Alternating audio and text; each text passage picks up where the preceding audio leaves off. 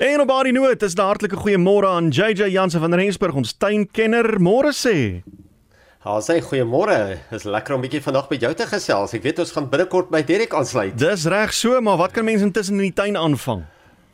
As ek weet ek het laasweek gepraat oor kompos maak en ja, sodra mens kompos maak, kry mens gewoonlik daai groot vet miswurms in die komposhoop en die vraag is altyd of dit skadelik is of nie. Nou daai wurm is eintlik of daai miswurm is eintlik net 'n fase van daai groot swart en geel tor wat 'n mens gewoonlik kry.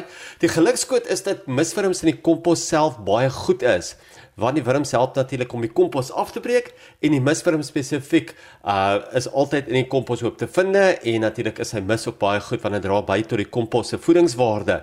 Ongelukkig is miswurms 'n tipe snywurm. So as jy die kompos in jou tuin sou inwerk na die tyd, moet 'n mens probeer om die enige miswurms wat jy kan uh eerder nie in jou tuin in te gooi nie, maar eerder dit weer uit te sif en dit terug in die komposhoop te gooi.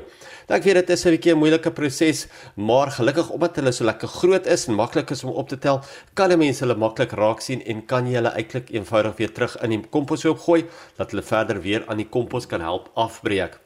Ertvrums is natuurlik baie goed vir jou komposhoop en so ook vir die tuin en is nie nodig om hulle enigstens uit te sif of terug te hou nie. Gelukkig lê ertvrums baie eiers en gaan mense verskriklik baie nuwe ertvrums kry. Maak nie saak het jy dit nou komposhoop los of nie, daar sal altyd weer ertvrums wees. Ertvrums deur lig natuurlik die grond in jou tuin en soos hulle die verrotterende plantmateriaal um, dan verorbe, voed hulle ook sommer die grond. So hulle deur lig hom nie net nie, maar hulle voed hom ook. En dis ook hoekom ek altyd sê, mens moenie noodwendig as jy enige bedekking op jou grond gooi, soos byvoorbeeld 'n blaarbedekking in terme van 'n deklaag of so, moet mense dit nie probeer in die grond inwerk nie. Dit is eintlik die aardwurm se werk om dit te doen om daai plantmateriaal soos dit afbreek dan in die grond in te vat. Die gewone aardwurm kan in die komposhoop of in die tuingrond lewe soos ek gesê het, maar dan kry jy ook natuurlik jou klein rooi kompos aardwurm en dit is ene wat glad nie in die tuin kan oorleef nie, maar slegs in 'n kompos in die kompos of in 'n wurmboks nou.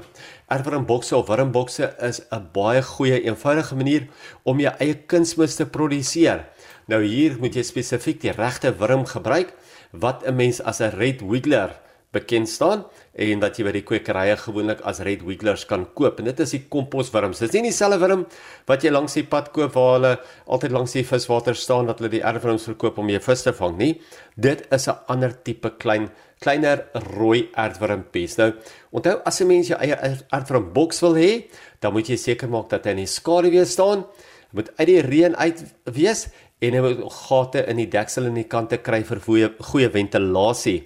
Mens kan so tussen enige kossoort of papier vir die wurms gee om te eet. 'n Mens kan ook die uh, wurmmis wat beter bekend staan as vermicast in water meng om jou eie vloeibare kunsmis te maak.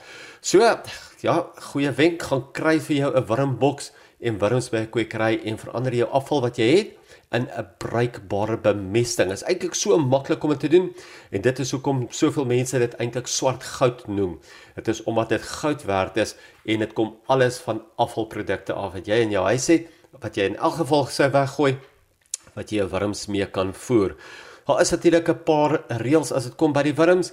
Mens moet maar altyd seker maak vir al die dis dis die wurms in die wurmbokse moenie te nat wees nie. So jy moet hom nie te nat gooi nie. Hy moet net genoeg ehm um, vog in hom hê sodat die wurms maklik deur die kos eintlik kan vreet. En dan as jy enigsins sou nuwe skille of so in daai boks ingooi, jy wil hê hulle moet vinniger gevreet word of vinniger ehm um, kos vir die wurms wees, dan moet jy mens eintlik daai skille so vir 'n dag of wat in water laat staan en dan gaan hy vinniger afbreek en so kan die wurms hom ook baie vinniger verorbe. Gaan Jammer, gaan gesels bietjie by jou naaste kry vra vir hulle wat het hulle in terme van wurms leer bietjie by hulle en dan kan jy so jou eie kunsmis maak, dan hoef jy nie eintlik weer vir jou kunsmis te gaan koop nie. Ons plan van die week vir hierdie week is 'n pragtige varing. Dit is jou Microlepia strigosa. Nou, dit is 'n immergroen varing. Uh, hy kan binne sy of buite sy gekweek word en hy groei die beste waar hy so te sê die heeldag skaduwee kry, maar net so 'n bietjie oggendson. Nou soos met alle varings Jammer, hou die een ook van gereelde water en alhoewel hy koue kan hanteer, wil hy nie erge ryp hê nie. So as jy mooi daaraan dink, behoort hy nie ryp te kry onder die bome nie.